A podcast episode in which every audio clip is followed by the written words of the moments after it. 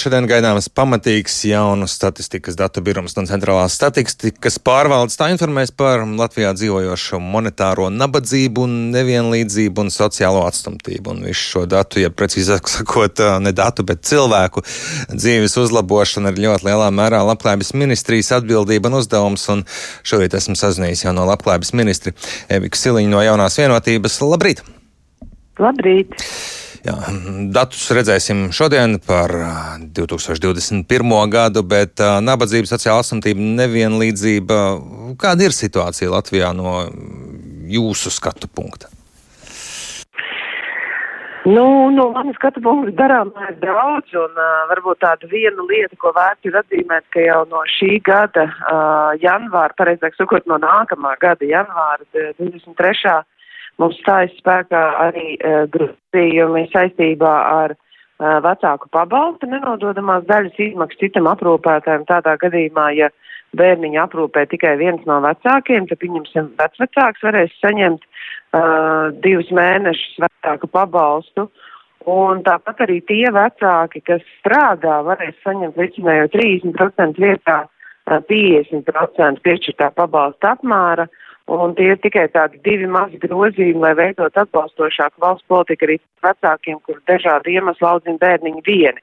Tā kā tas ir vairāk saistīts varbūt ar bērniem, kas ir tāda svarīga lieta, ko atzīmē, kādā veidā valsts šobrīd mēģina nu, palielināt ienākumus arī tiem vecākiem. Bet tāda otra ļoti būtiska lieta, man liekas, kas ir jāizdara, mēs bijām aizsākuši minimālo ienākumu palielināšanu, tie ir visi tie atbalsti tieši nabadzīgākajai uh, iedzīvotāju, uh, vai pareizāk sakot, iedzīvotāju par zemiem iemākumiem grupai.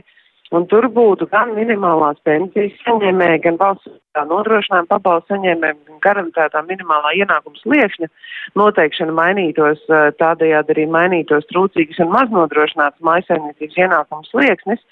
Un to ir plānots regulāri pārskatīt un piesaistīt noteiktie procentuālai vērtībai uh, no maisaimniecību ienākumu mediāns. Par to, protams, lai mēs vēl dabūtu budžetā šo naudu, man kā jaunajai labklājības ministrē vēl būs uh, jādiskutē ar pārējiem valdības kolēģiem, bet šī ir tāda absolūti nepieciešama lieta, ko noteikusi arī satversmes tiesa, ka šī ienākums liekšņi būtu jāpārskata, viņiem regulāri būtu jāmainās, lai nebūtu tā, ka tas cipars ir konstants un cilvēkiem viņš nemainās gadiem. Tā ir tāda ļoti būtiska lieta, jo, kā jūs jau minējat, ir vairākas grupas, kas atbilst tātad tieši šādi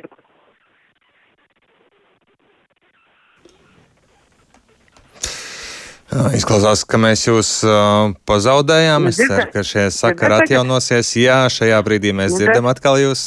Dzirdat atkal, jā. Un vēl viena tāda lieta, ko svarīgi noteikti ir pieminēt, tā kā no nākamā gada arī mainās minimālās algas uh, apmērs un tas tiek palielināts. Uh, līdz ar to mums arī ir svarīgi, ka palielinās un mēs varētu mainīt to pakalpojumu izmaksas, ko sniedz labklājības ministrija. Pieņemsim asistenti pakalpojumu un tādas lietas jo šī minimālā alga ir piesaistīta arī tai summai, ko mēs izmaksājam cilvēkiem par šiem pakalpojumiem. Tas arī ir, protams, vēl viens darbs, lai arī likums stājas spēkā, kas mums ir vēl jādara budžeta kontekstā, un tas noteikti arī būs vēl viena prioritāte, par ko es arī diskutēšu ar kolēģiem valdībā.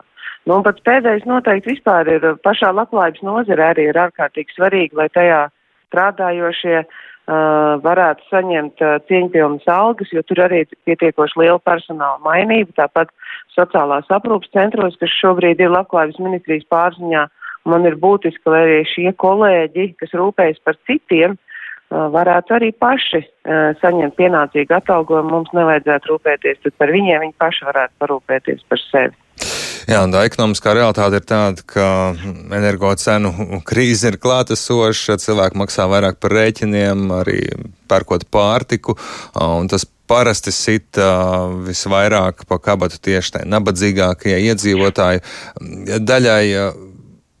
Jūs arī redzat, ka būs lielāks palīdzības saņēmēju un tādu, kam vajadzīga palīdzība loks?